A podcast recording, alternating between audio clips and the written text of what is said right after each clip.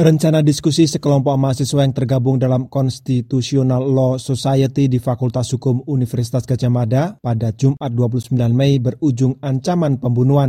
Panitia penyelenggara diskusi dikirimi pesan melalui aplikasi percakapan, bahkan anggota keluarga mereka. Tidak mau mengambil resiko, Dekan Fakultas Hukum Universitas Gajah Mada Sigit Rianto memutuskan untuk melindungi mahasiswa itu di satu rumah aman sejak Jumat. Kalau yang merasa terancam kan kita beri rumah tinggal yang aman. Mudah-mudahan suasana menjadi lebih tenang lagi. Kasus ini berawal dari beredarnya poster diskusi berjudul Persoalan Pemecatan Presiden di Tengah Pandemi ditinjau dari sistem ketatanegaraan. Karena dianggap multitafsir, panitia kemudian mengubah judul diskusi menjadi meluruskan persoalan pemberhentian presiden ditinjau dari sistem ketatanegaraan. Jika dibaca jeli, diskusi ini bahkan cenderung akan menyimpulkan bahwa upaya menurunkan presiden bukan sesuatu yang mudah. Menteri Koordinator Politik dan Keamanan Mahfud MD bahkan menyayangkan diskusi di Fakultas Hukum UGM batal digelar. Mahfud menjelaskan sesuai Undang-Undang Dasar Pemecatan Presiden bisa dilakukan kapan saja asal memenuhi salah satu dari lima syarat. Di luar syarat itu, lanjut Mahfud, Presiden tidak bisa diberhentikan di tengah jalan dengan alasan kebijakan yang dia buat. Karena itulah tidak ada alasan takut dengan diskusi terkait pemberhentian Presiden. Kegaduhan ini justru merugikan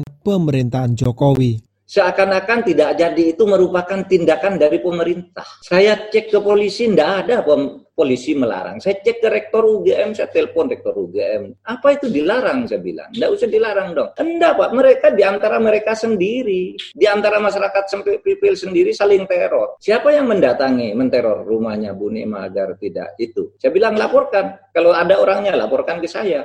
Fakultas Hukum Universitas Islam Indonesia memastikan akan mengambil langkah hukum terkait teror ini. Dekan Fakultas Hukum UII Abdul Jamil kepada VUI mengatakan mereka tidak mau dosen seniornya menerima tindakan tidak beradab. Kami dari fakultas tidak mau dosen kami itu dilecehkan orang. Salah satu bentuknya kan kita harus melindungi karena Prof. Nima itu kan nggak bersalah kan harus kita lindungi. Jangan sampai orang seenaknya aja fitnah orang, kan gitu. meneror orang. Kan kita rencanakan kan akan memidanakan gitu kan, akan memproses pidana. Dari Yogyakarta, Nur Hadi melaporkan untuk VOA Washington.